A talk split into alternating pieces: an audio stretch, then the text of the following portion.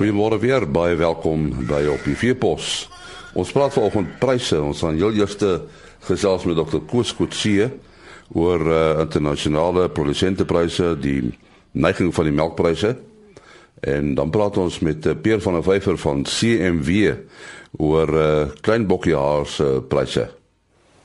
Ons uh, gesels met Dr. Koos Kotse, uh, landbouekonoom van die MPO, die melkprodusente organisasie. Ek was net 'n uh, ruk gelede het jy uh, die uh, kongres van die EFCN in Duitsland bygewoon en uh, toe is daar gesê dat die huidige uh, internasionale produsentepryse vir melk nie volhoubaar is nie. Nou die kongres het so 'n paar maande gelede plaasgevind. Het uh, dinge intussen verander? Nee, ja, jy weet die suiwerbedryf internasionaal baie volatiel. Maar kom ons sê Kom ons gaan 'n bietjie st stapie terug in 2014 het internasionale produkpryse gedaal en dis eintlik dit wat dan tot laer produsentepryse gelei het en dis wat waaroor ons daar in my maand uh, begin Junie op die IFCN gepraat het. Nou produ uh, produkpryse nou ek praat nou eintlik meer spesifiek die Fonterra veilingspryse wat maar die aanduider is. Het omtrent reg deur 2015 begin 2015 effense oplewing in pryse so vir 'n week of wat, maar daarna het pryse redelik konstant gedaal tot 5 5 5 veilinge gelede nou, so twee veilinge 'n maand. En van toe af begin Augustus eintlik het pryse elke veiling skerp gestyg. So die totale stygings van die uh uh onderpunt af op produkpryse was nou al 60%. Nou mens moet onthou as jy 50% gedaal het, jy styg dan 60%, nou is jy maar by 30% op, nê. Nee. So pryse is nog nie op die vlak waar hulle was nie. Hulle is beter as die vorige laagtepunt. Uh daar is verskeie redes word aangevoer. Die belangrikste is dat dit lyk of produksie wêreldwyd, veral in die belangrike uitvoerlande, het produksie gedaal as gevolg van die lae pryse. Daar is getuienis in Nieu-Seeland dat produsente terugsny op produksie. Uh ons produksie hardloop nog redelik hoog, maar ek dink die die omdraai is ook dalk in sig. Met ander woorde, die plaaslike melkkopers se pryse het nog nie eintlik gestyg nie. Die plaaslike produsentepryse het redelik skerp gedaal en uh, die Stats SA syfers wys dat ons die skerpste daling nog van Julie na Augustus toe gehad het in produsentepryse. So ons produsentepryse is heelwat af en terselfdertyd is voerpryse stewiger. So die boere se koste koste knyp dan. Pryskoste knyp dan, né? Uh, uh waarom sou jy die die die skerp daling wyd? Hoekom het dit gebeur? Uh, 'n paar paar faktore. die hoër pryse het hoër produksie tot gevolg gehad. Dit's maar altyd so. Jy weet die Nieu-Seelandse boere 2013 14 nie oor die 5 rand per liter 45 per liter gekry en dit het tot baie vinnige produksiegroei gelei. Uh kwotas is afgeskaf in Europa nou op die 1 April. Dit nie so groot effek gehad terwyl die effek en dan uh, aan die vraagkant het ons te doen met die Russiese boikot wat net eenvoudig nie suiwelprodukte van 'n klomp lande invoer nie en dit het veroorsaak dat daar groot voorrade in Europa opgebou het. So so kom en die ander effek is natuurlik dat uh, China se laer groei het ook nou gelei tot laer vraag na suiwelprodukte uit China. So so 'n kombinasie van vraag en aanbod faktore soos gewoonlik. Ja, en die en die huidige droogte hier in ons land Ons produksie uh Augustus laaste maand, ekskuus September, die laaste maand wat ons syfer voor het. September se produksie is 5,9% op op dieselfde maand laas jaar. Jaar in totaal is ons nou so 9,5% bo. Dis baie. Dis nog steeds hoog. Ek verwag dat daai persentasie die jaar op jaar persentasie gaan afneem. Uh eerstens as gevolg van die minder winsgewend of nie laer winsgewendheid van die melkproduksie nou. En die ander faktor wat natuurlik ook daar 'n rol speel is dat ons vergelyk nou met 'n hoër basis. So 'n bietjie basis effek, maar dan ook definitief en dan droogte toestande in groot dele van die land begin ook nou sy sy nou vat. Nee, ons sê baie dankie aan uh, Dr. Koos Kutsie van die MPO Landbouekonom. Ons uh, gesels met Peer van der Vyver, hy is die hoofbestuurder van uh van CMW en uh, die bestuurder van uh Sybokar en ons gaan met hom 'n bietjie praat oor uh, Sybokar pryse. Nou uh Peer in die verlede as ons uh, gesels het, het ons die hele tyd uh, gesels met 'n glimlag, né? Die die pryse was nogal hoog. Ons dink veral om verlede jaar.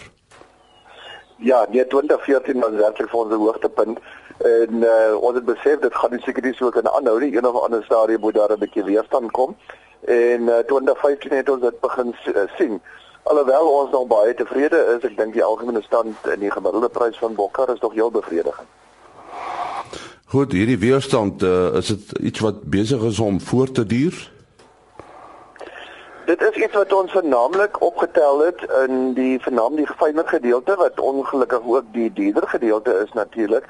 Toe klein mokkie haar gemiddeld oor die 400 rand per kilogram uh, gaan gaan het, is daar verseker van die buitelande af 'n weerstand opgetel en uh, seker nog tot nou toe ook so, maar daai pryse het baie gedaal en in 2015 is daar 'n groot regstelling gekom in prys en ek dink die jongste opreding van laasweek se veiling het gekom van dit uh omdat daar uh skielik hernieude belangstelling is omdat die aanvraag nie regtig gewyk het nie maar daar die pryse was net 'n bietjie 'n probleem.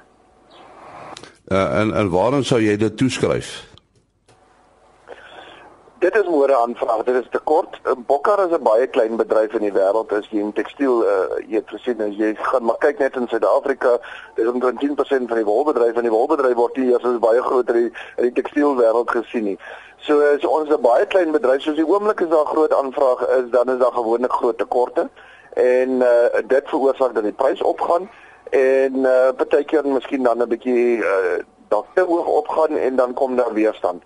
Uh ons is baie tevrede dat jy kan sien dat die uh dat al die veilinge vir dusver is verkoop ons nog steeds 'n baie hoër persentasie van ons bokkar en die sterker gedeelte van die skeersel doen uitstekend. Dis intedeel uh, selfs hoër as die pryse wat in 2014 gerealiseer het. So is oor die algemeen is ons baie tevrede en ek dink by die nuwe verlaagprys in tuinmokjaar is daar nou weer 'n nuwe belangstelling en behoort uh het ons vorentoe dalk nog 'n verhoging hier en daar te sien. En, en waar lê die markte nou weer? Uh die klein mokkie hare het hoofsaaklik na Europa toe gegaan. Italië is die grootste invoerder daarin wat dit natuurlik uh, sy eindprodukte versprei hoofsaaklik in Europa en dan natuurlik Noord-Amerika. Maar daar is ook 'n uh, aanvraag van die Ooste. Japan is 'n groot verbruiker van klein mokkie haar en uh, Korea is ook 'n groot verwerker van klein mokkie haar en daar is 'n er nuwe belangstelling ook van daai gedeeltes. So speel China 'n rol. China speel 'n rol, maar nie noodwendig op klein mokkiehare op die hoë kwaliteit goed nie. Dit is meer op die groot bokhaar en uh, en soos ek nou eh, so pas gesê het, daai aanvraag is uitstekend. So die aanvraag in China is nog baie goed. Ons het nog nie enige probleme daarvan afgesien nie. Uh alhoewel ons gewoon daarin is die bokkarbedryf is baie klein en gewoonlik spring ons die groot wêreldtendense in die ekonomiese markte vry omdat so 'n klein gedeeltetjie van die mark is uh en dit so 'n nismark is uh dit is daar het ons gewoonlik nie probleme nie. Ja, ons het uh, vorige keer toe ons 'n paar het gesê dat daar uh, meer produsente uh, begin toetree tot die mark hier in Suid-Afrika as dit nog so. Ja, vernaamlik in die droër gedeeltes. Uh jy na die uh, Noord-Kaap byvoorbeeld is daar 'n goeie uitbreiding van uh, van bokke omdat 'n bokke woestyndier is en hy baie goed aanpas in jou droër gedeeltes van Suid-Afrika.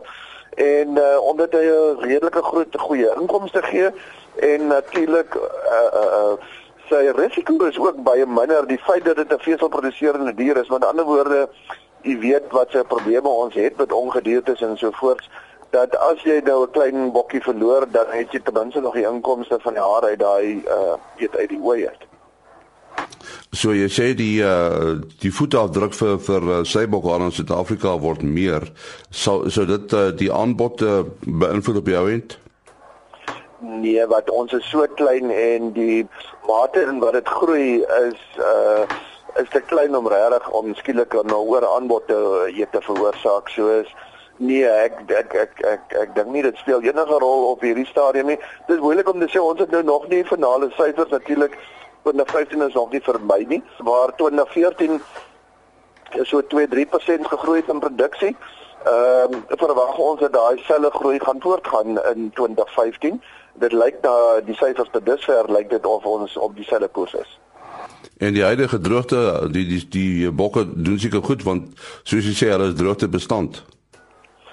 Ja, en maar en ons is ook baie gelukkig in die produksiegebied in die Oos-Kaap het ons baie goeie reëns gekry, uh eintlik bo normale winterreëns en ons wêreld lyk eintlik pragtig.